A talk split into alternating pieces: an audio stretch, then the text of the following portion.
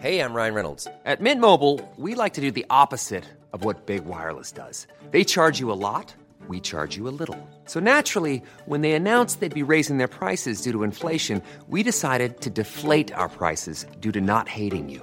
That's right. We're cutting the price of Mint Unlimited from $30 a month to just $15 a month. Give it a try at mintmobile.com slash switch. $45 upfront for three months plus taxes and fees. Promo rate for new customers for limited time. Unlimited more than 40 gigabytes per month. Slows. Full terms at mintmobile.com.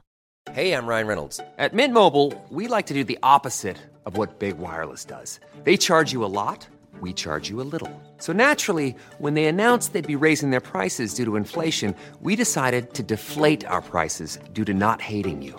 That's right. We're cutting the price of Mint Unlimited from $30 a month to just $15 a month. Give it a try at mintmobile.com slash switch. $45 upfront for three months plus taxes and fees. Promo for new customers for limited time. Unlimited more than 40 gigabytes per month. Slows. Full terms at mintmobile.com.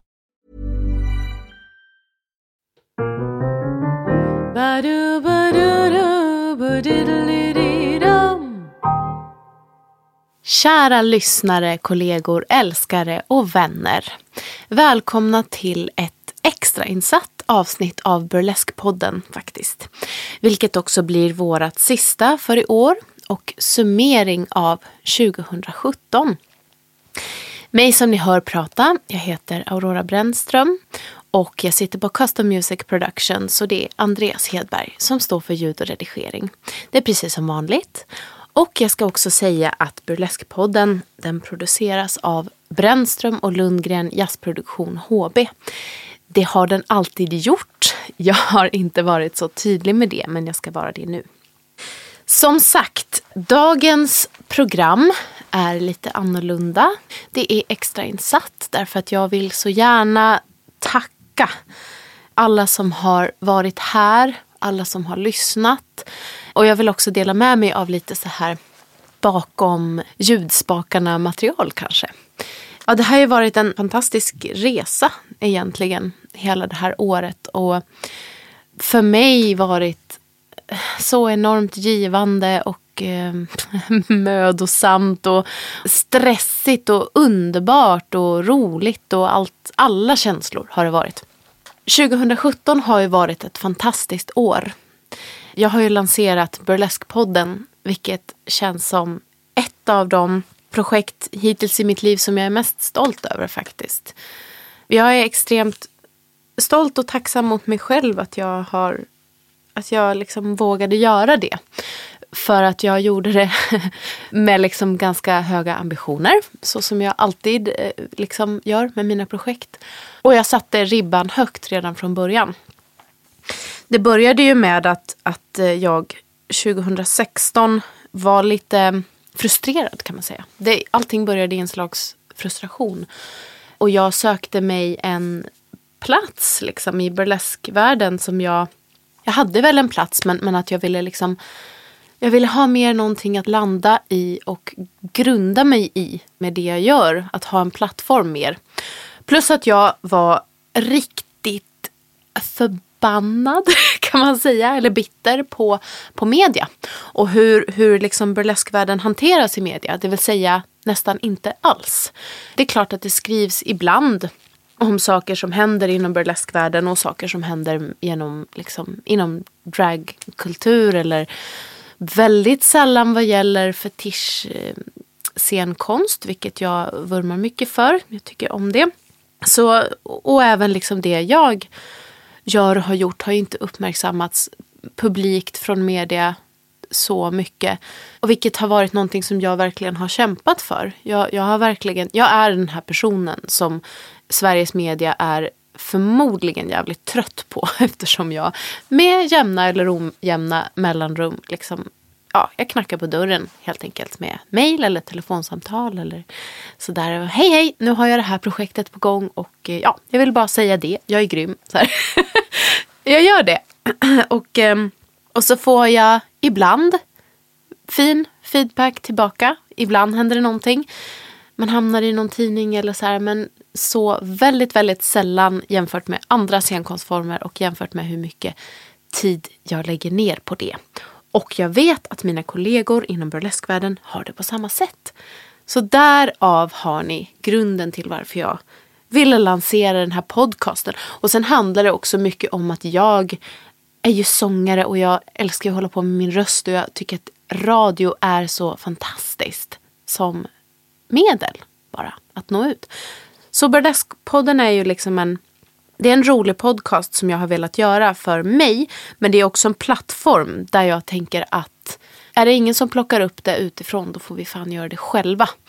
Och det är lite så jag funkar.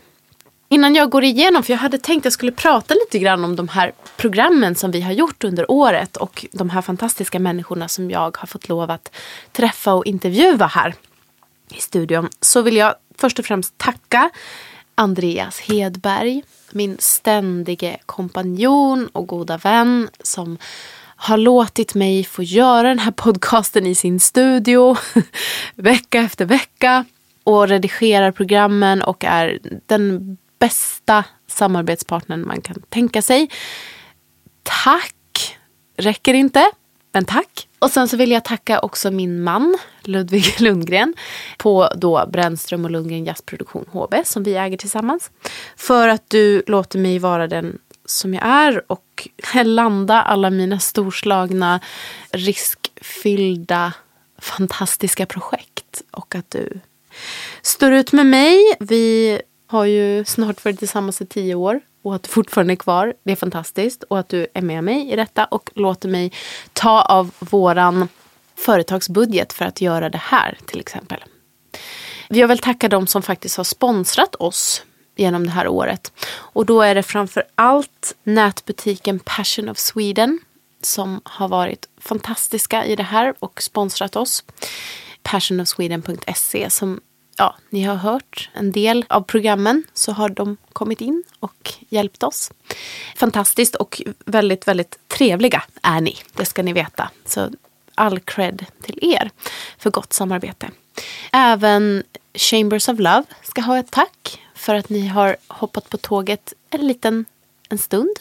Jättefint och också jättefint samarbete. Och sen vill vi tacka Ottarfonden och RFSU för det arbetsstipendie som vi fick i somras var det väl. Och de pengarna som var ganska mycket yay, har vi använt för att liksom utveckla den sexualpolitiska delen av den här podcasten. Som ju är väldigt viktig. Så er vill jag tacka. Sen vill jag såklart tacka er som har lyssnat. Ni som har liksom hjälpt mig och oss uppåt och eh, hela tiden fått våra nedladdningssiffror att stiga dag för dag faktiskt. Och tack alla ni som har kommit med pepp och kärlek och fina kommentarer och alla som har delat på Facebook och Instagram och bara spridit Burlesque-podden Hej vilt och, och liksom åh, tusen tack Burlesque-communityt för att ni är som ni är allihopa och har mottagit det här med så öppna armar. Ja, det här tacktalet skulle ju kunna hålla på i en evighet men det ska det inte göra. För att nu ska jag nämligen gå in och prata lite grann om de gäster som vi har haft där under 2017.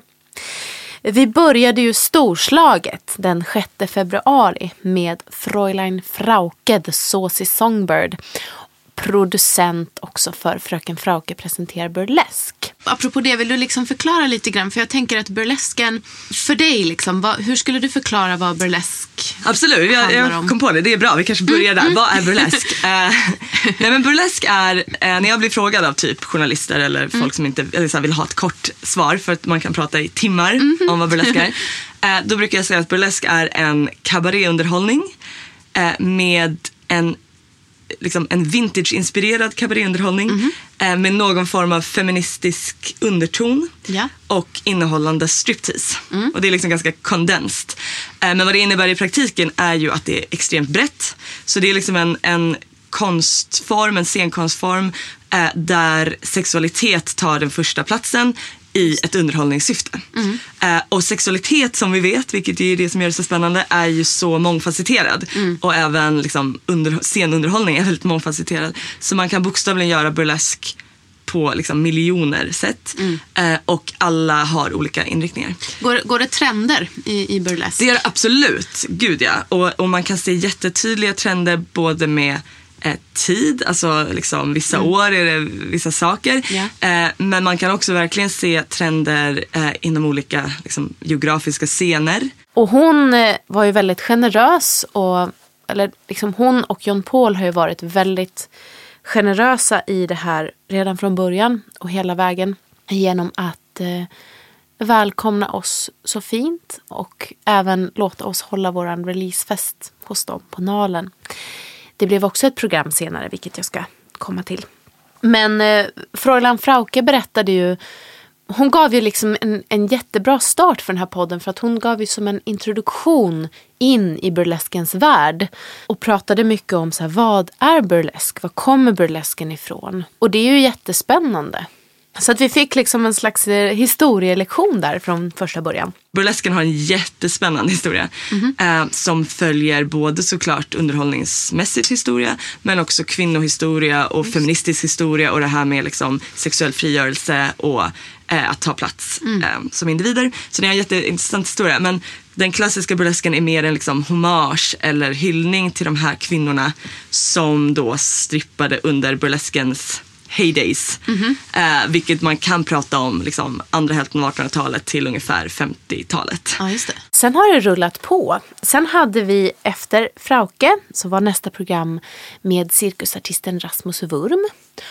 Vilket också var väldigt, väldigt spännande för att Rasmus uppträder för både vuxen och en eh, yngre publik, alltså för barn. Och så pratade vi också om manlighetsnormer med Rasmus, vilket var väldigt spännande tycker jag. Bra perspektiv att få in så här ganska direkt. Alltså när jag uppträder för en vuxen publik så är man ju kanske ganska ganska dirty för att de gillar det i munnen när man pratar. Jag, jag har ju en akt som heter Juggling around the world och där gör jag ju skämt som, de blir ju snuskiga i betraktarens öga. Men jag gör ju samma skämt för femåringar och de tycker också att det är roligt. Men de kanske inte, de hänger inte med på det, på det sexiga i det utan det är Just de vuxna då och då blir det ändå Vet du, det här är faktiskt en av de sakerna som jag hade velat prata med dig om idag. För att jag, Vad roligt. Ja, nej men för jag vet ju att du uppträder mycket för vuxna, men också för barn. Ja. Eh, och nu har ju liksom... Jag har ju sett dig då som vuxen publik. Eh, och då tänker jag att så här, ja, men Rasmus Wurm, han är, han är en ganska så här, sexuell person på scen. Och, och jag vet ju att du också uppträder för barn. Och då har jag funderat på, men hur förhåller du dig till det? Hur, vad är det som förändras i det du gör på scen när publiken eh, har en annan ålder? Ehm, ja, hur tänker du kring, kring det? Alltså sexualitet kontra vuxenpublik, barnpublik. Ja. Eh, vad händer med dig? Ja, bra fråga. Ja, mm, ehm, eh. Egentligen tror jag inte att det händer så mycket för att jag gör ju nästan samma sak. Det är väl... Alltså, man är ju... Är jag annorlunda med barn? Men Jag är nog inte... Alltså, det, nu handlar det om, om baktankar. Det, det, jag, står ju, jag, jag står ju inte med en barnpublik och tänker att oj, den här femåringen var ju het liksom. Vilket jag kan göra med en vuxen publik. Eller bara att sådär... Och då har man en annan sorts kanske annan sorts sug i blicken helt enkelt. Men egentligen så ändrar jag nog inte så mycket på det jag gör. Bara att jag kanske gör lite jag försöker ju vara mer komisk när jag strippar för barn helt enkelt. För att de ändå inte, alltså om de ska börja se det som ett som någonting annat. Och då handlar det om bygge. Jag skulle inte gå in och göra bara jojo-akten på en, på en barnföreställning. Nej. Det går inte. Utan då måste man ju ha någon sorts båge. Att de redan vet att de förstår under föreställningens gång att vad som helst kan hända. Men allt som händer kommer att vara roligt. För annars kan det bli jättekonstigt. Och barnen tar inte illa upp. Alltså, Dels så kommer jag ihåg föreställningen. Jag, måste, jag, jag brukar hänga min jacka i publiken och så har jag tagit av mig och så ska jag gå ut och så har jag så klänning och så sitter det tre rader med ganska små barn längst fram som jag måste kliva över och då har jag klänning på mig. Och de bara, okej, eh, om ni inte tittar upp nu så ska jag bara... och sen hör man när man liksom går för att hämta sin jacka så här, han hade jättefula kallingar på sig. Tredje programmet då hade vi Harley Quinn, en av mina personliga favoriter och nära vänner också. Idag så har jag den stora äran att eh, sitta här och prata med ingen mindre än Harley Quinn. Eh, denna burleskartist, eh, dansare, performanceartist och även del av eh, burleskgruppen Vaudeville eh, Burlesque Variety. Eh, varmt välkommen hit! Tack så mycket, Aurora. Eh, Och nu är jag så här picky. Eh, Det var nästan rätt. Men det är, det är, det är bara ett Ja. S där på Ja. slutet Åh, så var det perfekt. Ja. Men annars liksom, uff.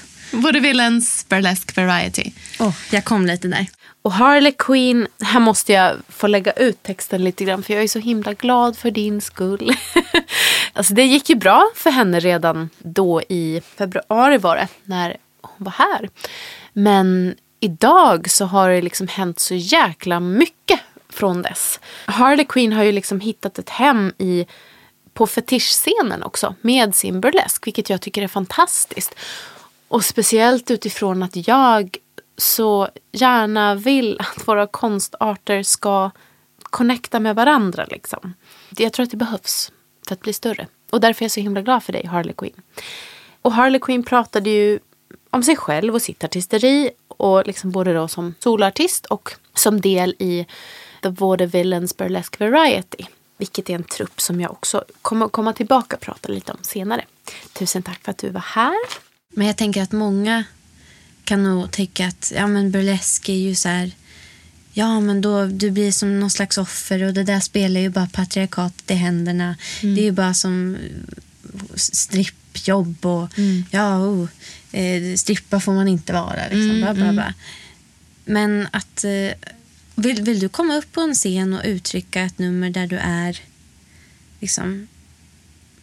Åh, nu tappar jag bort mig att du vill vara med som ett sexuellt objekt, då är ju det, då är ju det ditt uttryck och det är okej.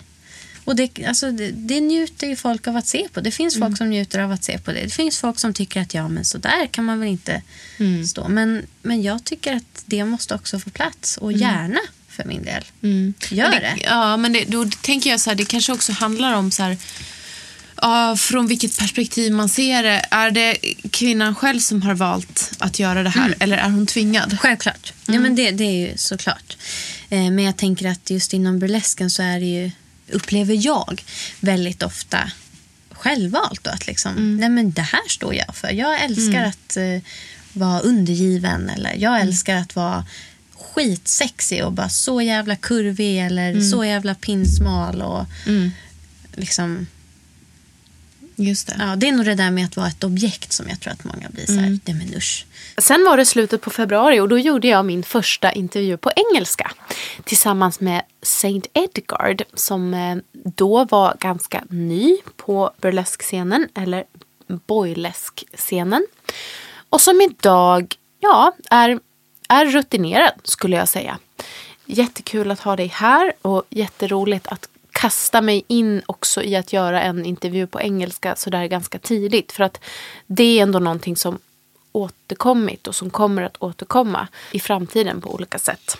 But how easy is that? I mean, what Actually- does it take to act- be yourself? actually it's it's not so easy because what it take actually and maybe it is easy for me what it took was that what i learned by performing at meltbar is that you know just i just learned to open what do you say open my brain yeah? and just give everything I have inside to the audience. And yeah, just it's it's all about giving and showing your uh, personality and just and and also don't be afraid to fail. Go try. You know, like for me, I mean, I don't know how many I've tried so many different in my journey. Like when I started, Yeah. I tried tons of different songs. I've tried tons of different ideas of acts and you know and i need because i felt like i need to try all this different stuff to get to know who i am as a performer Efter det så hade vi DJ Choco Canell här. Och eh, ja, Sandra som hon heter är ju fantastisk person. Jag var helt hög efter den intervjun. jag har någon slags, bara för att jag själv är, jag är ganska liten och kort. Eh, och jag älskar att bära saker. Alltså jag, jag, min, jag äger ju massa egen teknik. Just, ja. Jag älskar att bära högtalare. Och det är också så här, jag tycker det är så, det är så underbart. Just det där när jag kommer liksom till ett event. Kommer körande i min bil. Har så här i klackskor. Ja. Bär in liksom tunga högtalare. Ja. Riggar upp allt själv. Och du bara, åh behöver du hjälp? Man bara, nej. Nej. Nej. Och jag älskar det. men det är så det- löjligt. Men det är just precis samma sak. Ja. Med liksom knallröda läppar, liksom superkajal och allting. och glitterklänning och högklackat. Och bara, ah, nu ska jag rigga här. Alltså jag, Jag, älskar att det. Och ja. jag, jag skojar om det för jag, jag sa faktiskt det också till min man senast igår när vi var ute och, och körde. Att så här, för folk, när jag tog körkort så var folk så här, ja men du skulle ha en så här liten mini eller någonting. Jag bara, eh, alltså jag ska ha en stor bil. Och jag har ju nu, jag har en minibuss. Eh, som jag älskar. Ja, och jag bra. sa det till Daniel igår, min, min make då. Eh, så sa jag det, jag bara, ah, det kommer sluta med att jag ska ha en jävla lastbil. Ja. Och jag sa det, jag bara, men tror du, skulle inte jag kunna köra lastbil? Så här. Det är klart det skulle vara så skönt. Förstår du, så här, komma med långtradaren och de bara förväntar sig någon så här stor biffig typ. Så bara hoppar Mm. man ner. Man typ, vi skojade om att jag skulle ha så här barnkudde för att nå upp. Nej. Liksom, titta ut. Ja. Och så bara kommer man liksom bara, ja, liten så här übersminkad klackskotjej Mm. och bara, men hej, hade ni... Jag ska leverera tv. Ja. men det, det ska vara så roligt. Ja. Så att Ja, jag, jag, och det är liksom såna där grejer jag alltid... Alltså det, och det kanske är någon så här kompensation för att man är liten. Men liksom att så här, jag, jag Mm. älskar att bära. Gud vad bra. Alltså, det här, jag älskar det verkligen. Den, den attityden. Att så här, Och bara, det, men, och det är på riktigt. Alltså jag Ja. verkligen så här, du vet, jag såg igår, jag har en, ändå en Toyota minibuss, så såg jag en Toyota som var liksom mer så här cross country, alltså mer så här jeepaktig. Ja. Du vet. Och jag bara, åh, kolla! Så bara, jag bara, det där ska nog bli min nästa bil. du vet, för, jag, för jag vill verkligen ha det här, alltså stort. Stor och biffig bil. ja. Jätteroligt. men jag, jag älskar ju det här med dig. Vi skrattade och vi, så här, jag vet inte riktigt, jag tror vi på något sätt vet, hetsade upp varandra i någon slags bekräftande av en teori som vi båda två ja, men kände som samhörighet i. Just det här att hylla kvinnlighet och kvinnliga attribut. Och jag, jag vet inte så här, efteråt när jag lyssnar på det, men hur många gånger säger vi att jag älskar det här? Nej men jag älskar det här. Fantastiskt roligt. Och Sandra är ju, Choco Kanel är ju en person som jag har liksom sett och följt och lärt känna under många år. Så det var väldigt roligt att du var här. Programmet efter det var jag starstruck. För då hade vi Elegy LM här. Som är en av de här artisterna som jag ser upp till på många sätt. Jag tycker du är väldigt häftig. Och det, det är så spännande när jag har suttit här och pratat med de här eh, fantastiska personerna. För att oftast blir inte intervjuerna riktigt som jag har tänkt. Vad gäller tempo till exempel. Eller stämning. Sådär. Hur, hur ser du på det själv? Liksom? Sensualitet och sexualitet. Jag tycker inte att det är en stor sak med en naken kropp. Jag tycker inte att det är en stor sak att prata om eller visa upp sexualitet. Jag tycker att det är väldigt skönt. Jag tycker det är viktigt att tjejer får göra det. Jag tycker det är viktigt att vi får vara de vi är. Sen om man är sexuellt frigiven vill visa upp det, då ska man få göra det. Om man inte alls vill prata om sånt eller visa sånt så ska man få göra det. Vi ska ha rätt att göra vad vi vill med våra kroppar och det tycker jag är en stående då, i allt det här med burlesken också, med all shower. Vi har ju rätt att göra vad vi vill med oss själva. Och jag Eh, som modell tycker jag att det är väldigt befriande att göra. Nu anser inte jag själv då, men det, det beror på vem som kollar såklart och efter ens eget tycke. Men jag anser inte själv att jag gör någonting som är väldigt sexuellt i. eh, Jag har ändå satt eh, gränser och linjer efter vad jag vill uttrycka. Jag vill att det ska finnas en poäng med nakenhet när jag modellar.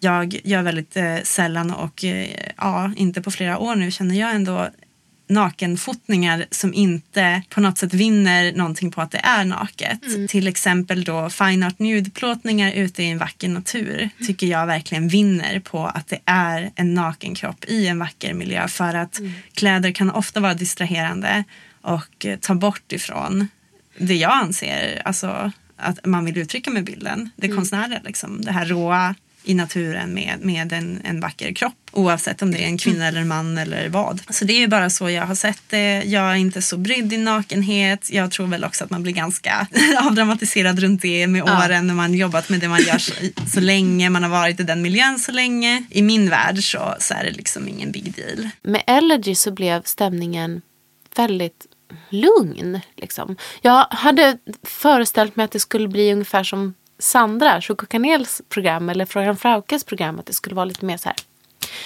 Men så var det väldigt lugnt och väldigt så här skönt och avslappnat. Och alltså sådana saker som, som har, jag förvånat mig, har ju förvånat mig på ett väldigt positivt sätt. Och det här var en av de sakerna. Och jag, jag tyckte det var väldigt skönt att det blev så. Och just eftersom jag var lite nervös när, när det var liksom en person som jag ser upp till och tycker är så bra.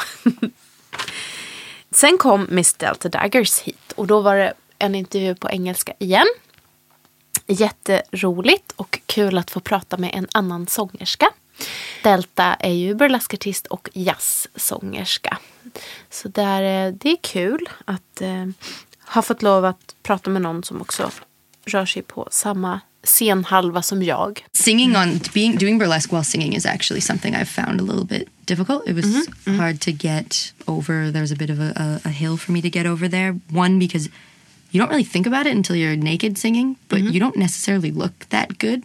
Like your body doesn't necessarily look very good when you're singing because you don't hold yourself in nec- ah, in always the the mm. proper poses. You have to do certain things to get enough oxygen to Yeah. hit certain notes or like hunch your body in a weird way. And I just had to accept when I see videos of myself singing mm. naked that I'm not always going to be like the perfect statuesque posing burlesque mm. dancer. That's an interesting point of view. I, I have never thought about it, but yeah, it's it's true. because they always say for burlesque or it's like the same ballet posture you should mm-hmm.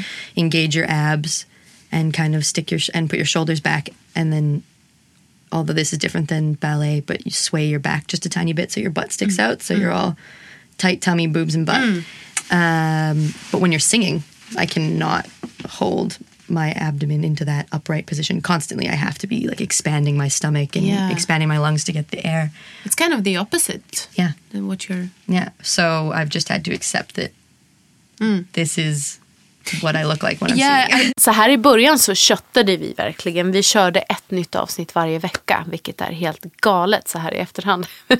Men vi gjorde det och jag, jag tyckte att det kändes bra för att jag ville verkligen etsa in Burleskpodden i allas huvuden, i allas medvetanden. Jag tror vi lyckades faktiskt. Den 27 mars så släppte vi ett specialprogram som då var ifrån den här fantastiska releasefesten som Burleskpodden fick lov att ha på Fröken Frauke presenterar burlesk på Nalen. Jag hade spelat in och det här var väldigt spännande då för att vi annars så sitter ju jag alltid här i studion och eh, allting är så fint ordnat och ljudet blir bra och så här. Men på den här releasefesten så gick jag omkring med en Zoom recorder och spelade in på plats. Vilket, eh, ja det gör att det programmet har en annan ljudbild. Jag är jättenöjd med, med resultatet men man hör ju att det är någonting lite annorlunda. Och det var roligt. Jag gick omkring med den här Zoom-recordern och eh, pratade med folk bakom scenen och både artister och, och besökare och DJs och min farsa som är en flitig lyssnare av Burlesque-podden, eh, Here Here för dig, sa att han tyckte att det här var ett väldigt roligt program. Så jag får lita på det helt enkelt, att det blev bra och jag tycker nog det själv också. Nej men så och den här releasefesten var ju ett väldigt fint välkomnande in i burlesque-communityt för oss på Burlesque-podden. Så tusen tack Felicia, Frauke och John Paul för det. We are celebrating and welcoming something really exciting to the Swedish burlesque scene. It is the Burlesque-podden, a podcast about the stage art burlesque. And yeah, that is very exciting because burlesque is, uh, I was going to say, so much more than women stripping. And I don't know if it needs to be anything more than that, but it is. And it's really important that someone, you know, takes that to heart and kind of discover and develop this art scene, this art form. So, welcome on the stage Burlesque-poddens creator, Aurora Brännström.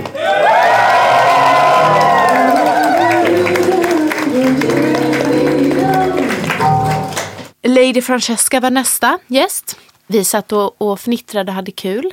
Lady Francesca och jag har lärt känna varandra bättre och bättre efter det här. Jag upplever i alla fall att det är väldigt öppet i burlesken. Mm. Att det liksom, visst att du vill eh, köra implantat som vi sa förut. Det är liksom ingen som kommer döma dig ändå. Klart man filosoferar och tänker, men varför egentligen? Men jag välkomnar dig precis som du är. Efter jag började med burlesk, jag har väl alltid varit lite så exhibitionistisk och så. Men till exempel på gymmet, det är ju väldigt många som gärna stänger in, sig, in sin handduk och tar av sig. Och, och jag är mer så här, jag ska gå och duscha! och då blir man så här, vad vi är öppna med våra kroppar i burlesken. Ja. Det, Men det tror jag också handlar lite om tidsandan. För jag, jag går ju själv och simmar typ två, tre gånger i veckan. Mm. Jag är väldigt, eh, faktiskt väldigt bekväm med min kropp idag. Ja. Så jag har också haft ätstörningar och vet allt det där. Ja. Men, ehm, och där kan jag se liksom äldre kvinnor som är väldigt eh, bekväma. väldigt bekväma med sig själv. Så- Ja, det kanske är de från jag. 70-talet. Ja, ja, och det är det jag tänker. Jag var ju ung på 70 Ja. Eller ung, jag föddes på 70-talet. Ja, men de som var... kan vi klippa bort det? Men det måste vara någonting med 70-talet att det var så här, man brydde sig Jag tror liksom det, för inte. sen, sen tycker jag liksom att generationer därefter, när det börjar gå ner, liksom, ja förlåt, men kanske när man, så här, de som är typ 40, Ja. att där börjar det. Och så ner liksom där vi befinner oss. Och jag vet inte riktigt hur, jag har inte analyserat så mycket tonåringar idag, Nej. eh, vart de står. Men att det är en skillnad. Eh, Liksom, många kvinnor som är, vi pratade 50-60 år. De är mer bekväma med sig själva. Ja. tvättar sig i fittan. på gymmet. Ja, det I duschen. Alltså, alltså jag...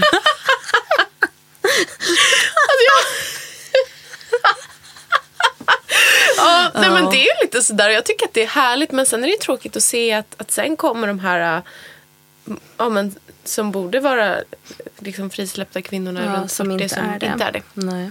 Så ta för er, Ja. 40 någonting kvinnor. Definitivt. Tvätta er i. Ordentligt.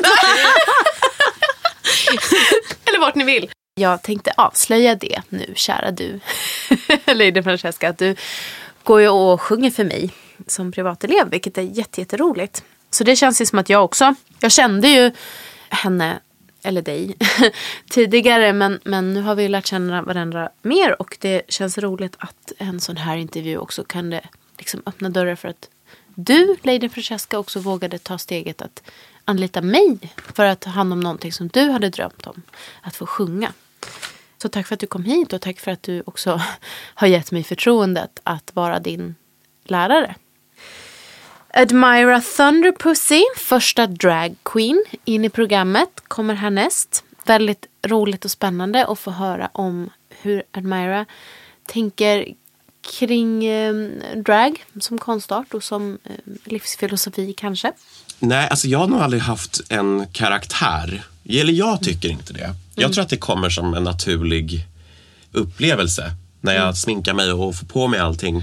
Och jag har faktiskt tänkt på det lite grann att det är inte riktigt jag i mitt sätt som förändras. Jag blir inte en karaktär som är en helt annan person än vad jag är privat.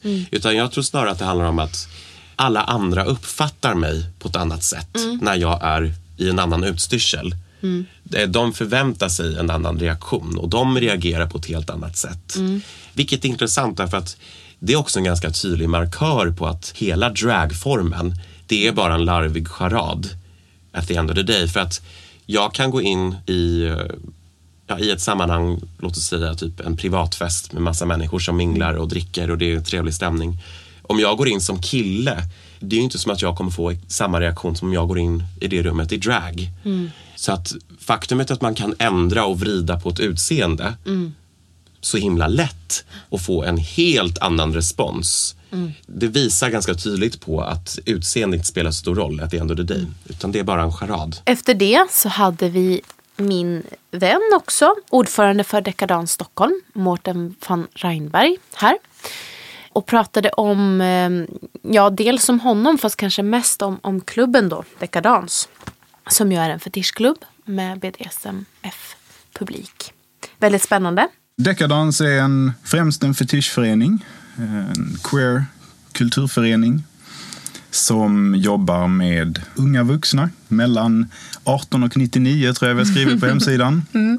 Unga i sinnet. Som gillar latex, läder, lack. Vi har vanligtvis inslag av BDSM, utlevnadsmöjligheter på våra fester. Men även folk som tycker om att, att klä upp sig i eh, mer burleskaktiga kläder som eh, underkläder, korsetter och liknande.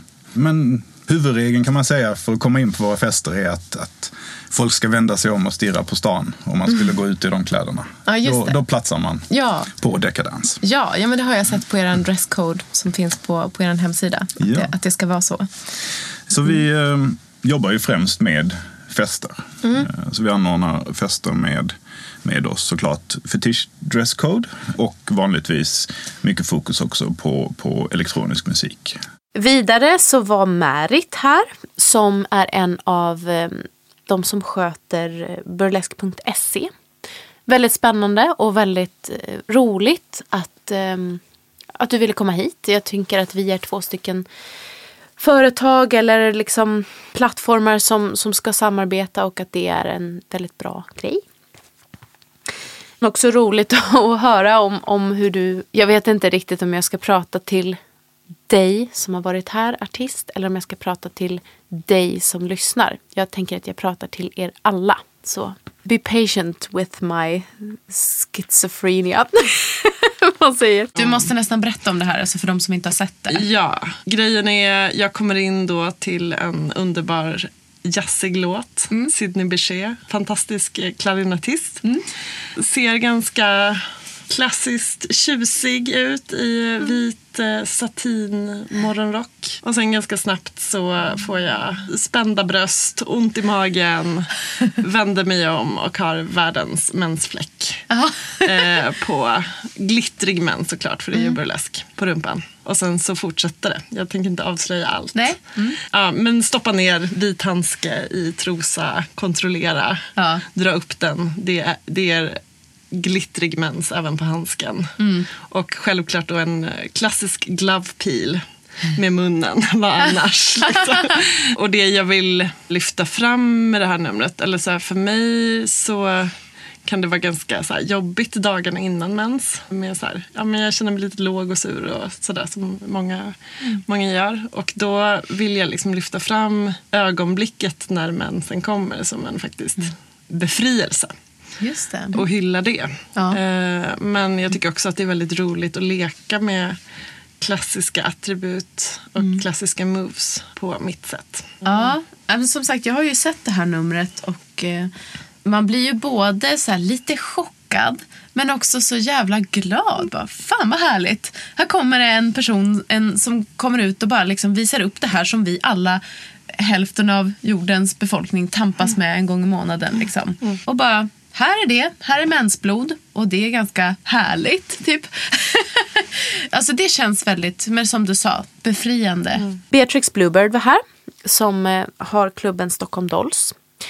Beatrix och jag har blivit väldigt goda vänner efter dess. Och det är också så här fantastiskt att det, det är sånt som kan hända som en, en lyckosam bonus. Jättespännande att höra hur du, ja men din historia och din väg hit till Sverige från New York. Så hur, hur hittade du egentligen burlesk? Du, du, du sa ju nu att du var på box, men hur hittar man the box? Liksom? Du har bott på landet. Ja, och. Ja. jag hittade The Box. Jag var där 2008 tror jag, första Mm. gången. Och firade jul i USA. Mm.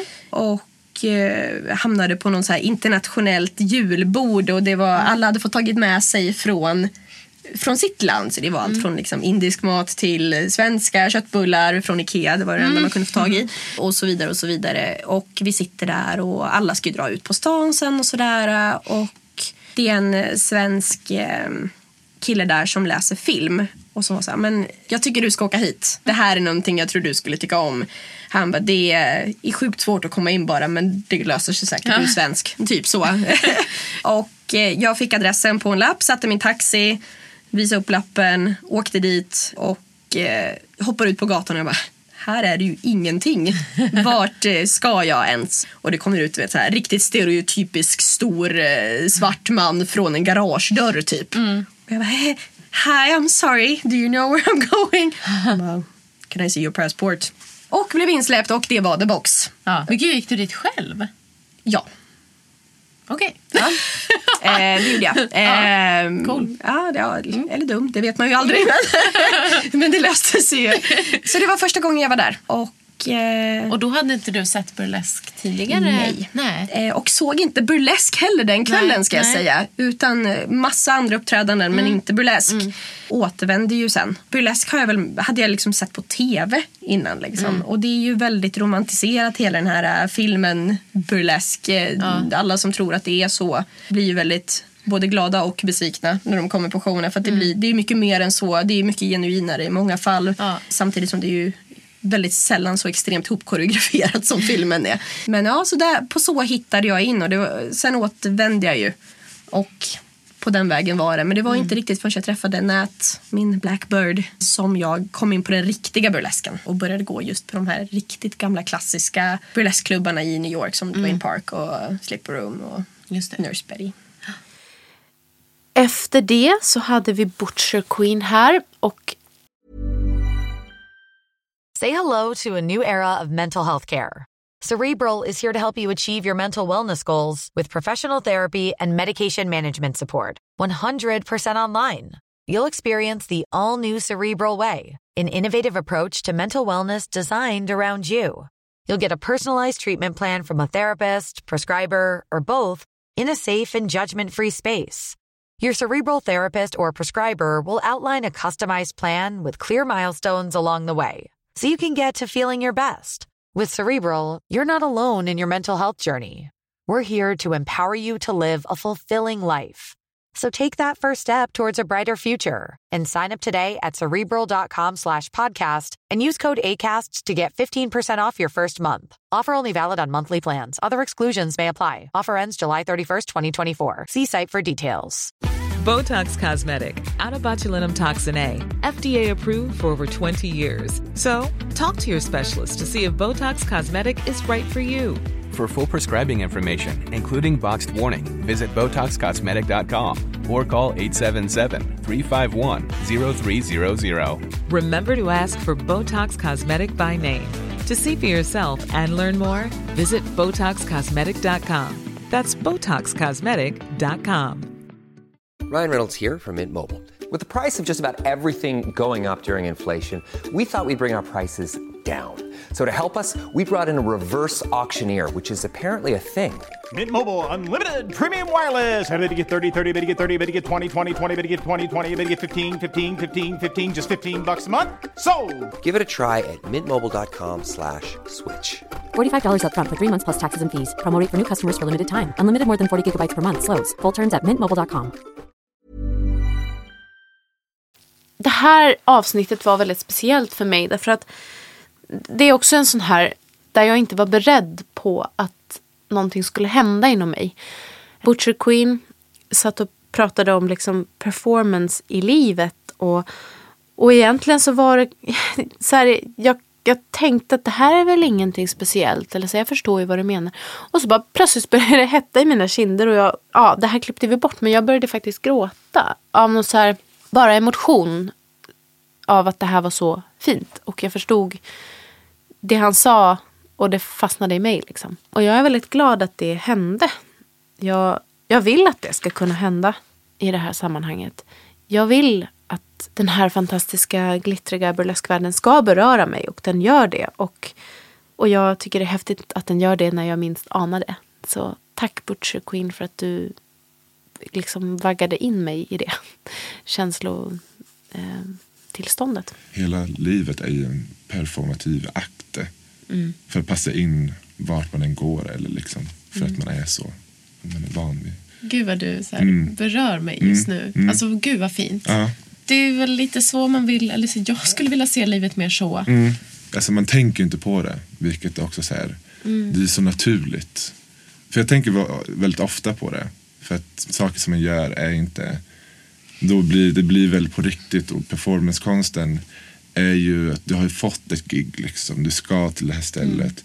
Men själva den här undermedvetna akten är det som händer i publik, liksom, en publik. Mm. Det är det som blir ett så kallat performance. Liksom. Du Mm. här, har en publik, du gör någonting framför publik, med publiken, energi, bla bla bla. Liksom, så här. Men den här performativa akten, det är den som är så här, den är ju väldigt spännande för att alla är verkligen helt unika i sina egna liksom, sätt att, att utforma sin vardag. Ett fint sätt att, att bara så här beskriva konst, Mm. tycker jag. Eller så livet, typ. Mm. Jag ska verkligen ta till mig det här. Mm. Sandro Skagerberg var här. Dig var det också väldigt spännande att, att intervjua. Där var jag väl också lite starstruck tror jag. Eller jo, det var jag faktiskt. Och jag blev träffad av Sandros otroliga utstrålning och karisma. Vad spännande. Ja. Vad kul det var att prata med dig. Vi skulle ju kunna köra en timme till. Ja, men jag, ja, jag vet att jag ibland kan så sväva iväg och bli väldigt så här djup och så, Mm. vänta nu, vad pratar han om nu? Vad, vad, har jag tappat tråden? Ja, jag Men, gillar att eh, du bjöd på lite Så får man vara djuphet. ibland. Absolut. Så den här intervjun var lite svår att genomföra eftersom jag kände att jag, jag blev så um, påverkad av utstrålningen som Sandro har. Att jag lite sådär tappade bort vart jag är på väg med den här intervjun. Det är ju för sig inte enda gången som det har hänt. Det, det har hänt lite då och då. Så jag är också glad att jag lyckas ändå så här. Ja, men jag har fått tillbaka tråden och eh, mina gäster har också hjälpt mig in tillbaka eller iväg någon annanstans. Och så var det med Sandro. Jag kom inte riktigt tillbaka till mina trådar utan jag följde med på en ny tråd. Vilket blev väldigt fint. Och vilket kändes också roligt att få våga göra. Sen hade vi sista programmet innan det blev sommar och då var det Carolina Furberg som var här. Som ju inte egentligen är burleskartist från början men som har kommit in på det mer och mer. Och eh, det var roligt att prata med Carolina. Och vad, hur kände du då när du kom in i den här burleskens värld? Ja. Var det första mötet med burlesk? Eller har du... Ja, det skulle jag nog säga. Kanske. Alltså, jag kommer ju från en väldigt liten stad. Eh, Kramfors. eh, eh, och jag kan ju säga, det var ju inte mycket burlesk som eh, försiggick där. jag förstår. Eh, så när jag kom till eh, Stockholm så visste jag ju man, har, man tror ju alltid att man har någon bild av vad burlesk är för någonting. Och jag hade väl kanske, mm, ja, men, du vet så här, jag, man har, man har, jag har ju ändå jobbat väldigt mycket musikalt så jag har ju en, haft, hade ändå ett hum liksom vad det var. Mm. Ja, men Eh, precis, för burlesk går ju också lite in i så kabaré och där kabaré Ja. kan ju vara musikal. Ja men precis. Och Ja. i vissa musikaler så finns det ju rena burlesknummer med. Just det. Liksom. det är Mm. en grej. Så att eh, sen så hörde jag talas om... Jag såg en dokumentär faktiskt på tv som gick om just burlesk och burleskscenen i Stockholm. Eh, Och så upptäckte jag att men shit, Vilken, vilken dokumentär var det? Ja, och så, så jag upptäckte ju att men shit, jag känner en av tjejerna som är med i den här dokumentären. Och jag kommer inte ihåg vad den heter, men Var- vet var det säkert vad det är. Fans? Det är det säkert. Mm, för ja. den var jag med. Ja, jag vet. Det här är så lustigt. Jag har upptäckt att det är massor med folk som jag känner nu som bara, "Ah, det var ju med. Ja. Vi träffades som så många av mina gäster på Melt. Ja, tack Melt för att ni finns och eh, har skapat en plattform där burleskartister kan få hoppa ut och prova sina vingar. När vi kom in i sommaren så började vi gå över till att istället för en gång i veckan köra varannan vecka. Och då var första programmet ut en intervju med Nalle the Great. Och det här, hörni ni, det måste ni lyssna på om ni inte har gjort. Den här människan är så otroligt klok. I Naleslavski-tekniken. Ja, ja, ja. Mm. Så det fanns en Stanislavski-teknik, men jag har förbättrat den nu. Alltså nu, nu kallas den allmänt för det, ja. Mm. Jag anser att jag har utarbetat en teknik som jag jobbar med studenter som ska träffa publik. Mm, mm. Mycket av den tekniken är baserad på att jag har en tro att när människor är, föds, när vi är barn Mm. och vi känner känslor så katarser vi de känslorna.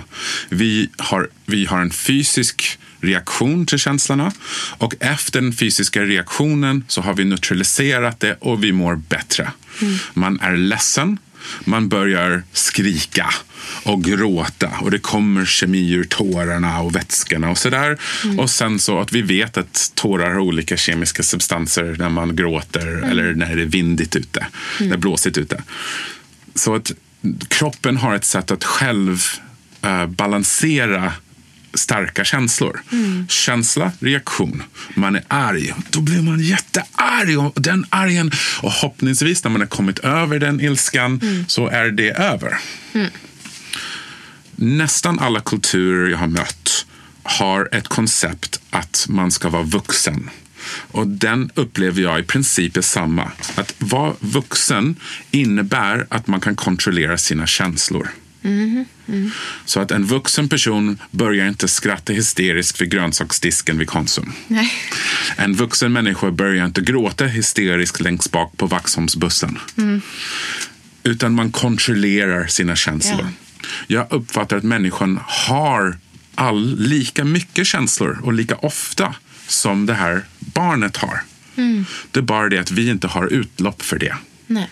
Det enda stället där jag har kunnat se där det finns ett frizon där människor får ha känslomässiga uttryck är med konsten. Mm. Att det är när man tittar på en tavla, när man ser en film så är det okej att gråta. Mm. Det är okej att bli arg. Det är okej att, um, att ha vilka känslor som helst. Det är, näst, det, det är lite poängen. Mm. Mm. Och då är det så att vårt jobb som scenartister är att skapa det här rummet där publiken kan ha känslor. Ja. Det är inte bara någonting som vi ska göra för att vara en konstform. Det är liksom vårt yrkesroll i samhället. Ja. Det är vi som ska ge den frizonen i samhället. Mm.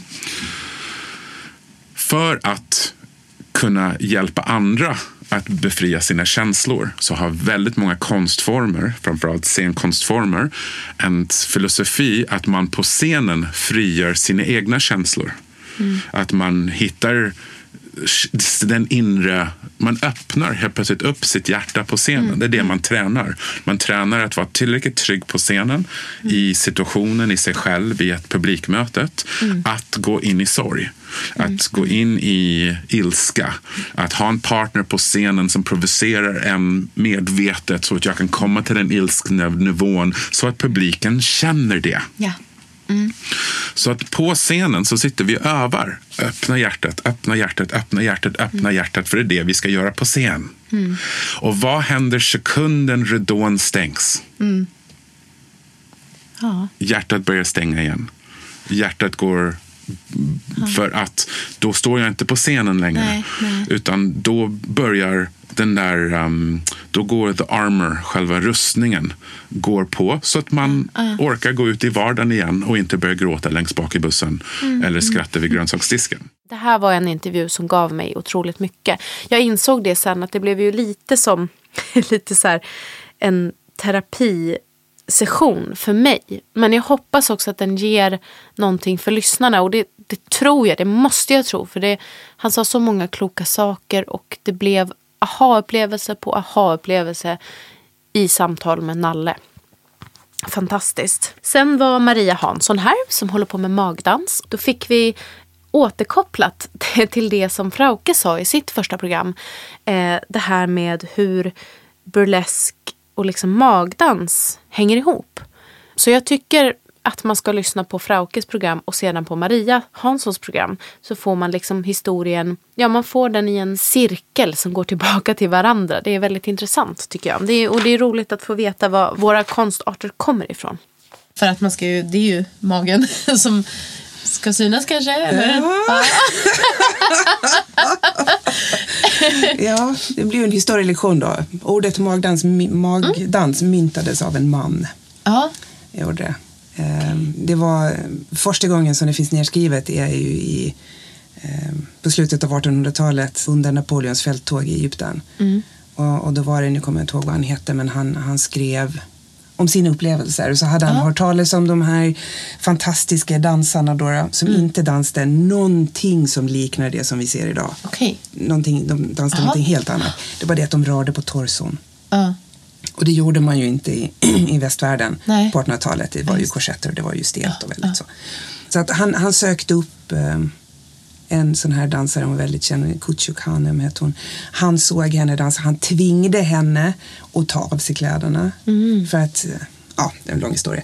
Så att hon, hon tog av sig kläderna och så skrev han om det och sen så ingick allt det här i Drömmen om Orienten. Sen några år senare och då började soldaterna kalla dansen för dans de ventre också. Mhm, Så att då blev ju ordet lite känt sådär. Sen så eh, tar vi ett litet kliv fram och då är vi då på det här 1890-talet. Och då, då, det hände ju lite innan, det var en världsutställning i Paris och lite Ah. sådär hände innan. Men då 1890 var det den här världsutställningen i Chicago och då var det en man som hette Sol Bloom som hade tagit den här algeriska byn som han visade upp. Och där fanns ju Little Egypt bland annat. Mm. Där hon som stannade Just kvar. Och ehm, han tyckte det kom... Alltså de här, de här kvinnorna som uppträdde där, de, de var ju klädda från topp till tå i kläder. De hade ju stora klänningar och de hade ju brallor och det var skor och det var Ah, hattar och ah. det var algerisk folkdräkt typ. Mm. Så han tyckte att det kom inte tillräckligt mycket folk Mm. till sin paviljong så han tjänade inte tillräckligt mycket pengar. Så han rafsar sig i huvudet och tänker till och så säger han hmm, dans de ventre, belly dance. Bara ordet belly i ett namn, så här, belly dance. I det puritanistiska Amerika, det var stort. Tack Maria för det. DJ Ale, du var här och spred din oerhörda energi och glädje här i studion och berättade om ditt eh, långa liv som DJ och hur du upptäckte burlesk utifrån att inte ha vetat riktigt vad det var. Väldigt, väldigt spännande och roligt. Så tänker jag att typ dansgolvet Mm. är ju platsen där väldigt många träffar någon som de ligger med eller kommer ligga med. Mm. Eh, och du är ju en bidragande del i den atmosfären. Ja. Hur tänker du kring, kring det när du går upp och gör din grej? Min regel nummer ett vad det gäller att spela musik är att alla ska vara glada. Mm. Jag måste få dem att dansa. Min slogan är Rhythm Meet Them Station. Och det går ut på att jag vill verkligen få allihopa att... Jag vill ge, jag vill ge dem en form av upplevelse av att varför jag är DJ är för att jag anser musik som en tidsmaskin. Okej? Musik, det mest underbaraste med musik är att var du än vill gå så kan du gå i tiden Mhm. genom att lyssna. Jag kan gå och lyssna på 80-tal när jag vill känna mig att jag är eh, 10 år Mm. och bara känna den här känslan när jag var yngre. Ja. Eh, Jag kan gå till 90-tal när jag var lite yng, ja, ung och rebell och ville gå ut och dansa. Mm. Eh, och, så. så Ja. det är det jag mest går ut på. Och sexuellt mässigt, vad man ska säga, det är att jag får tjejerna att shaka rumpa. That's a good thing. Och killarna blir... ja, så alla, det blir en glad stämning och, och av det erbjuder jag en form av tillfredsställelse där det blir en skön stämning Mm. för alla att njuta av. Ja. Mm. Mm. Ja, men det, det är ju härligt. Mm, Ja. Det är helt underbart. Ja. Det, det finns ingen bättre kick. Det, Nej.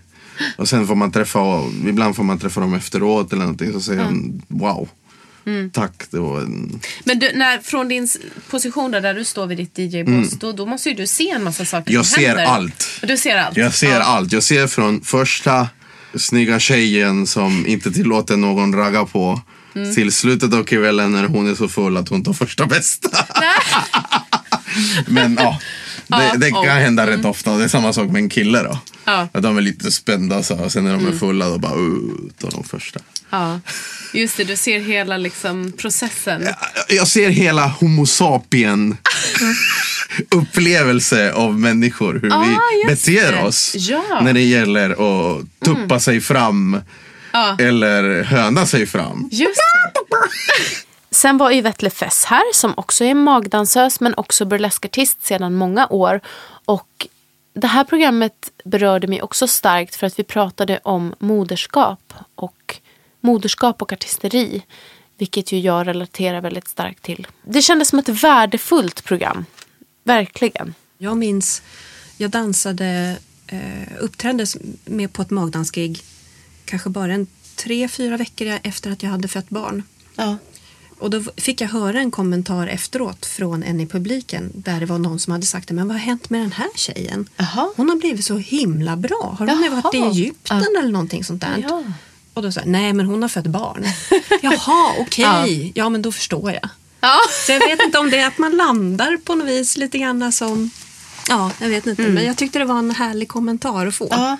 Efter Yvette så var Linda Lindgren här som är sömmerska och kläddesigner och har ett företag som heter Studio OLD, Studio Old. Också ett program som min pappa pratar väldigt varmt om för att han tyckte att det var ett spännande perspektiv också i relation till att min syster Emma ju är kläddesigner och eh, ja, det, det blir ju alltid sådär man, man plockar upp saker som man själv kan relatera till och eh, det var väldigt roligt att prata med dig Linda. Nu ska vi se om jag kan obviously Linda design. yes. Ja, Därför satt man och klottrade med initialerna och Ja. bokstäver och slängde fram och tillbaka. Så bara, men det blir ju OL, det blir ju gammalt. Ja, men det där ser ju bra Det är ju jäkligt fyndigt alltså. Ja. Det... Sen fick vi möta Edie Vengeance som är, var eller är ny på burleskscenen men inte så ny längre. Och pratade om hennes vägen i burlesken och också lite jobbet som eh, stagekitten vilket ju är väldigt, väldigt viktigt och en stor trygghet för burleskartister att den rollen finns. Att just få stå där bakom gardinerna och blicka ut över dina idoler. Lära dig vad som fångar publiken och eh, ja, vad, det, vad det är de har och vad det är de gör. Och sen så är det ju ganska roligt också att eh, få befinna sig backstage med en eh, guldinsmetad faun från eh, Paris. Eller hjälpa en underbar eh, burleskartist, eh, ja, Linda Cherry Von Lee, att eh, tejpa upp strumpbyxorna innan showen och fixa sådär. Just det är det. många fina möten. The Fabulous Mrs Murphy eller Malin Elin The Fab Coach var ju här också. Det var väldigt roligt. Ja, men även där finns det ju liksom kökshanddukar och kondomer och allt möjligt som har liksom ett, ett budskap och det är kalendrar och liksom ett väldigt sånt woman power feeling i det. Just det, kondomer. Ja, ska få en sen. Ja! honey you couldn't afford my kids anyway, står det på den. so you better suit up honey. Ja men så Mm. jävla bra. Ja det vill jag verkligen ha. Mm. Det är ett spår som jag vill gå in på lite det är det här genustänket. Och där jag funderar liksom lite hur du ser på genus, kön och genus. För du pratar om att det är kvinnor eh, på dina kurser. Men är även män eller transpersoner väl- välkomna? Eller vad är det du menar är då kvinnlighet? Vad är kvinnor? Alla som känner sig som kvinnor, alla som identifierar sig som kvinnor är såklart välkomna. För det är det jag vill styrka. Sen var det liksom född till That's your own business höll jag på att säga. Nej men alla som, är, som, som vill närma sig femininiteten då, om man uttrycker det så, på det sättet. Och det är just det, jag brukar ibland kalla bli, jag blev kallad och tyckte det var ganska bra uttryckt, den feminina feministen vid ett tillfälle. Och för många tror ju att bara för att man uttrycker sin femininitet så är man inte feminist. vet. Och det hänger ihop mycket med att vi kvinnor blir lärda i väldigt tidig ålder att vår kvinnlighet och feminitet enbart är till för någon annans gunst och tillfredsställelse. Och om man liksom använder sig av den eller visar sin kvinnlighet så är man antingen ett våp eller ett offer. Att man liksom är lurad på något vis. Att man inte, som att det inte skulle finnas en person där mittemellan som har tagit ett aktivt beslut över hur denne vill eh, porträttera sig utifrån hur denne får sig att må bäst. Så det är väl så jag, jag tänker. Och att det är väldigt mycket prat nu om att alla ska få vara som de vill och all, allt är tillåtet. Men det intressanta är att fortfarande att är man väldigt feminin så tror folk att man är liksom ditlurad, att det inte är ett aktivt beslut. Så man kan typ få vara, som, som debatten ser ut nu känner jag att man får vara vad man vill. Men du får inte vara en feminin kvinna. Nej. Vilket tempo du har. ja, men helt underbart, väldigt peppigt, väldigt intressant program. Väldigt fantastiskt härlig människa. Så glad att du var här. Sen hade jag efter det den första intervjun med två personer i studion. Vilket var väldigt roligt och utmanande. Det, det känns som att jag har utmanat mig själv. Även om liksom programmen på något sätt har liknat varandra så har det ju alltid dykt upp nya ämnen och det har alltid varit någon ny utmaning. Och här var det då Gunnar och Helena från Tip the Velvet Burlesque i Göteborg som var här. Och eh, då fick jag liksom moderera två personer. Det gick bra. Jag tycker det var kul och jag är väldigt nöjd med resultatet. Och heja Tip the Velvet. Fantastiskt härligt att det finns klubbar utanför Stockholm också. Det var mycket. Det är många, det är många namn. Ja. Lägg där till att jag har andra artistnamn i andra sammanhang. Så, så att eh, allting är väldigt förvirrande. Just det. Är det förvirrande även för er eller har ni koll på det ni gör? Ja, mitt, and, mitt andra projekt heter Tveksamma tvåan så att jag tror det säger rätt så mycket om Underbart. Tip the Velvet. Jag har klurat mycket på det här namnet. Mm. Dricksa sammet. Eller um, dricksa den som redan har det bra. Eh, vill ni förklara? Vad betyder Tip the Velvet och varför? Oh herregud, det här ska bli roligt. Mm. Det var eh, Jenny som grundade klubben, Mm. eh, hittade på det här namnet. Så på vår hemsida står det helt enkelt, eh, funderar du över vad namnet betyder? Fråga Jenny. Ah. Men, men jag tänker avslöja det, det här i alla fall. Det är helt enkelt eh, en annan term för det som i fint tal kallas för kunilingus. Det vill säga oralsex på det kvinnliga könet. Ah, aha! Eller mer folkligt, sli, slicka fitta. Ja. Sen hade jag John Paul Bichard här. Så än en gång, The Bichard Studios representerade. Och jag är ju evigt tacksam mot er för allt som ni har gjort och, och hur ni har liksom hejat på mig i det här arbetet hela tiden. Fantastiskt. Och även en, en intervju på engelska. I, I guess it's good. I mean, you've come a long way since that Pluto club Yeah. where you met. Yeah. Yeah. Uh, the Big Nalen and Fräulein Frauke Presents is, is, to say, the biggest uh, burlesque club in Sweden. And you Yeah, made probably a in Europe, yeah. probably in Europe. Yeah. So I mean, that's amazing. Um, are- Would you say that you and Frauke are kind of the same uh, as a personality? Uh, like, do, No, does she not. she We- also have that drive to take risks, or do you? Um, Oh, she has a very, very, very strong drive. I think it's a little different, which is what's good because we have similarities and differences. I think that the the differences are is that I'm a bit more like all over the place, okay.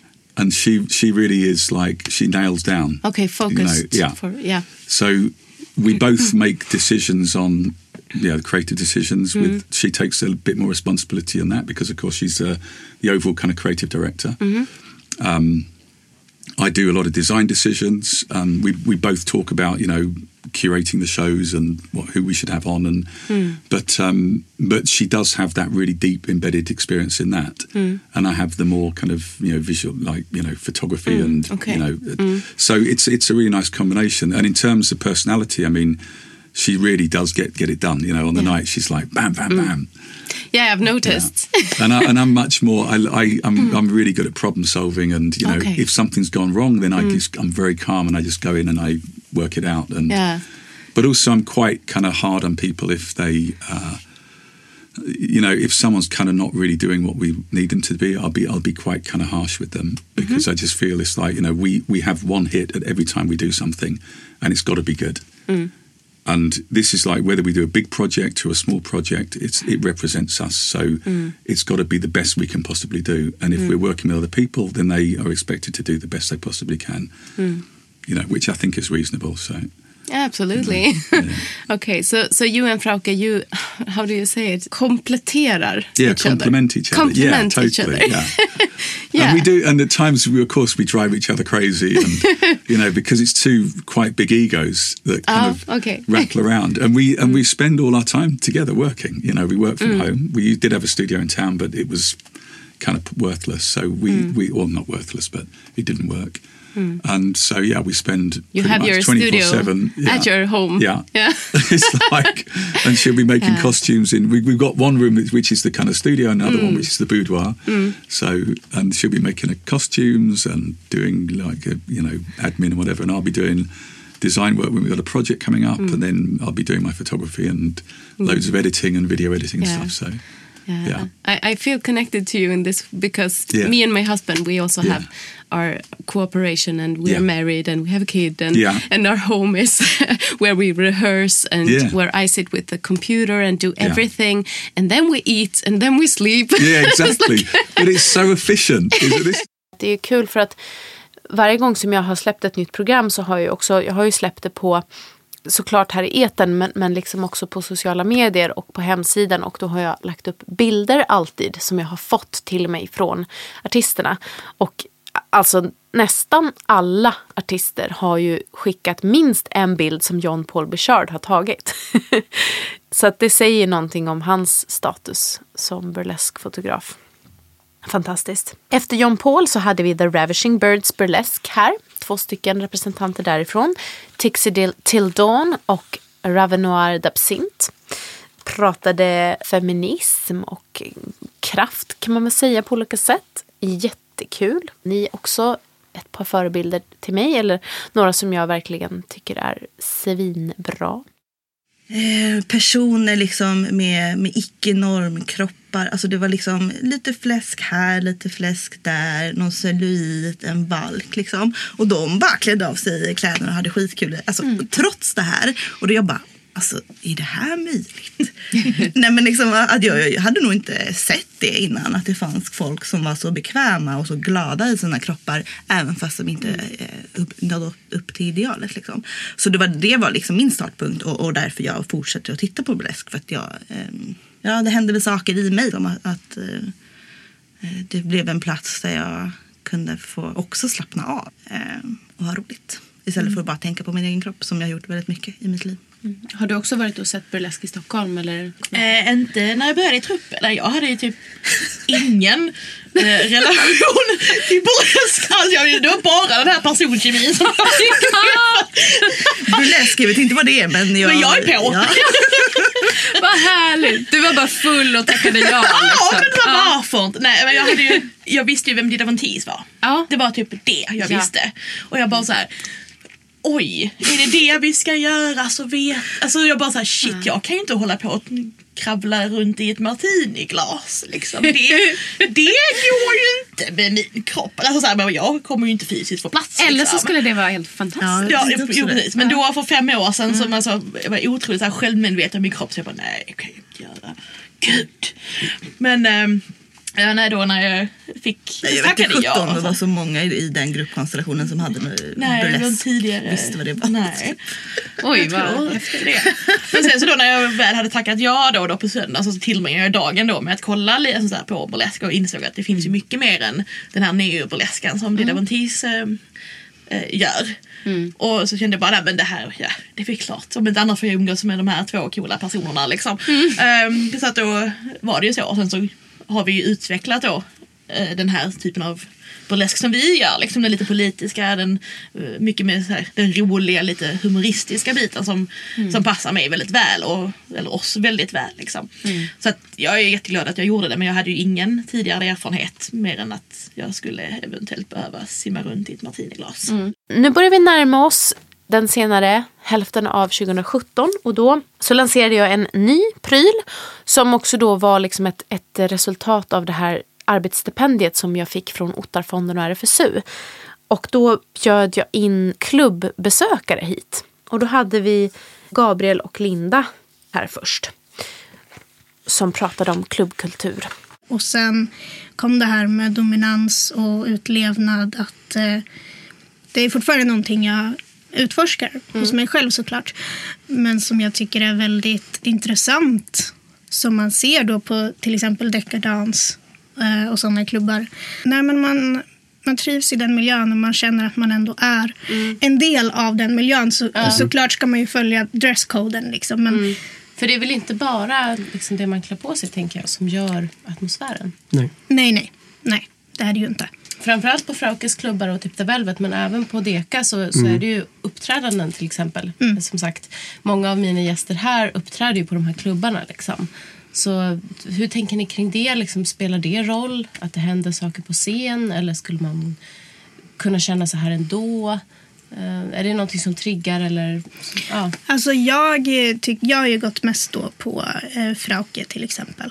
Och det är självklart att jag, eh, man kollar vilka är det som ska uppträda Mm. och har jag sett dem förut och sådär. Och jag, kollar, jag försöker kolla på alla uppträdanden istället för att gå och mingla bort Mm. allting. Men man kan, man kan ju gå och mingla också. Och det är väl det som är grejen. att eh, Om man nu inte skulle gilla ett uppträdande så behöver man ju inte stå där till exempel utan det är väldigt många som går och minglar runt. Och, Så det är ju en, en del av hela atmosfären såklart. Men jag som eh, teatermänniska älskar ju verkligen uppträdandena och är väldigt insatt i hur de för sig på scenen och jag uppskattar alla uppträdanden väldigt mycket och vill helst av allt stå vid scenen och se Mm. alla uppträdanden. Jag tror att det fortfarande är en ganska ny grej för Stockholm och Sverige allmänt. Att eh, fetischklubbar är lite så här, men det är lite särskilt. Mm. Eh, äv- Även för oss som går på klubbarna. Ja. Vi vet ju att men det är ju liksom en utlevnad och vi är ju säkra i det. Men jag tror fortfarande att det kanske är lite grann av en norm även där i själva scenen. Att man kanske inte ska lägga sig i någon annans eh, utlevnad för att Mm. det fortfarande är ganska nytt. Efter det, Fakiren Ortae, min gode vän Martin som satt här och pratade med mig. Jag är jätteglad att du kom hit. Vi, vi har ju skämtat mycket fram och tillbaka, jag och Martin, om han verkligen ska få vara här. Men jag tycker verkligen att det, ja, nu ska jag inte skämta mer om det, för det var fantastiskt roligt och bra. Vi, vi snackade om för väldigt kort tid sedan. Du var med på ett eh, program som hette 69 saker du vill veta om sex. Ja, just det. Som jag för övrigt kollade alla avsnitt på och tyckte var så bra. Mm. Fantastisk Eh. programledare. Han, Robin, han kör väl han kör väl också någon podd här nu. Ja, precis. Bögministeriet. Ja, Mm. fantastiskt bra. Mm. Eh, liten eh, eloge till dig för det också. Nej, men eh, I det programmet så, så blev ju du intervjuad. Och Mm. du fick ju den här frågan om, om alltså eld, eller eld, vad säger jag? Svärdslukning. Ja. Och, och eh, det här med eh, att suga av, till exempel deep throata. Mm. Där du gav ett väldigt bra svar, Ja, tycker jag. Vi kan dra dig. det Gulle dig. igen. Nej, men jag var ju med där i egenskap av eh, att vara expert på att suga kuk av någon anledning. Det, det handlar ju om att få bort kvällreflexerna. Ja. Och frågan jag ställde där eh, bland annat var varför ska du lära dig att bli av med kvällreflexerna? Är det för att du själv vill det eller för att någon annan vill det? Ja. Det ska du fundera på. För att det tar mellan tre och sju år att lära sig att sluka svärd. Mm. Men det tar ungefär en halvtimme att dumpa en snubbe. Och sen fick vi ju höra här bara för en vecka sedan, om ni har hunnit lyssna, så var ju Timmy Mimärak här som sista gäst ut för i år. Och ja, det finns inte riktigt ord för hur fantastiskt jag tycker att det var att du var här Timmy med. Och att du delade med dig av din konst också i form av den här dikten på slutet. Varsågoda kära lyssnare. Här kommer Timmy Memärak med ett andra skinn. Har du ett andra skinn? Vet du hur du klär av dig andras hat, hur du matar på deras fördomar till din fördel och spelar ut? Alla players har du lärt dig att le när du gråter. Hur alla versioner av förtrycket låter, förlåter du dem, de som omedvetet stövlar in eller medvetet trampar på oss, har du ett andra skinn? Ett tredje kön när du vill tränga dig i kön eller ett du kan byta till innan din kvällsbön för någon sa att Gud hatar bögar och att vi agar dem vi älskar och älskar våra nästa och ser de bästa sidorna i våra partners värsta stunder. Vad ser du när du blundar undrar du också. Hur du kommer sig att banken alltid vinner. Har du ett andra skinn för när du ska gå och handla? Förvandlar du dig fortfarande till de andra för att slippa andas andra klassens luft, tredje fasens ångest, underklassens hat och arbetarklassens sånger? Allt i samma bröst använder du din röst. När de använder oss slåss du. Överlever du eller blev du bara över efter massakern skonad för den goda sakens skull? Knullar du på dina villkor eller tog de det också när de tog sig in? Utan lov har du ett andra skinn. Sover du? Lovar du också omöjliga saker? Älskar du att se dig själv naken utan att någon annan säger det vet du? Eller känner du? Försöker du med källkritik eller skriker du? Skrider du ut i natten eller har du också fått lära dig att huka, gömma, låta dem hållas och sen glömma för husfridens skull för den självutnämnda husgudens puls slog för hårt och för att det är svårt att springa när du tvingats till allt så länge att du tror att du vill. Tror att du älskar, tror att du överlever ändå, tror på att du en dag kommer vakna fri utan att måste rymma, ramma, slåss och orka. Tårarna får mitt andra skinn att torka och jag fjällar. Ömsar, fäller inte längre tårar över dem som omedvetet stövlar in eller medvetet trampar på oss. Jag slåss varje dag. Hatet är inte vårt fel. Obehaget är inte vårt ansvar. Men vi tar det och vi gråter tills vi ler och aldrig mer ska vi odla ett andra skinn. Tack. Ah, jävlar. Tack så hemskt mycket. Tack själv. Shit, jag fick någon slags, jag vet inte vad för reaktion. jag blev svettig. Kärlek kan jag bara säga. Så, vi har släppt 30 program det här året. Alltså, är det inte fantastiskt? Jag tycker det är helt fantastiskt och jag är helt, alltså jag har inte ens tagit in det här ännu. Så tusen tack alla ni som har varit gäster här. Tusen tack alla ni som har lyssnat. Nu går vi in i 2018 och då kommer Burlesque-podden att dra ner takten på antal program av olika orsaker. Kanske främst för att jag känner att nu har jag etablerat det här konceptet. Jag älskar det här konceptet men jag måste också få tid att ta hand om mig och mina övriga projekt. Så Burlesque-podden kommer fortfarande vara lika bra, lika spännande, lika angeläget, lika stort, om inte större.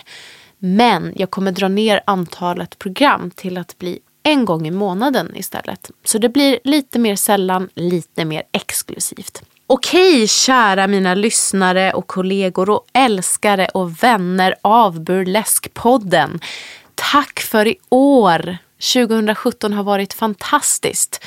Och hej 2018, det kommer också bli fantastiskt. Ni ska bara få veta vilka underbara gäster jag redan har spelat in program för med för kommande säsong.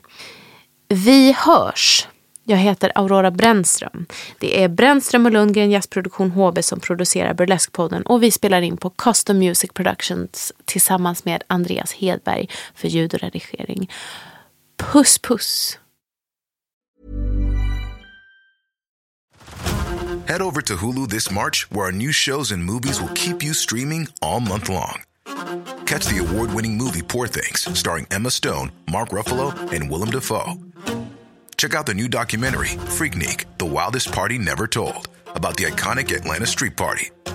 And don't miss FX's Shogun, a reimagining of the epic tale starring Anna Sawai. So, what are you waiting for? Go stream something new on Hulu.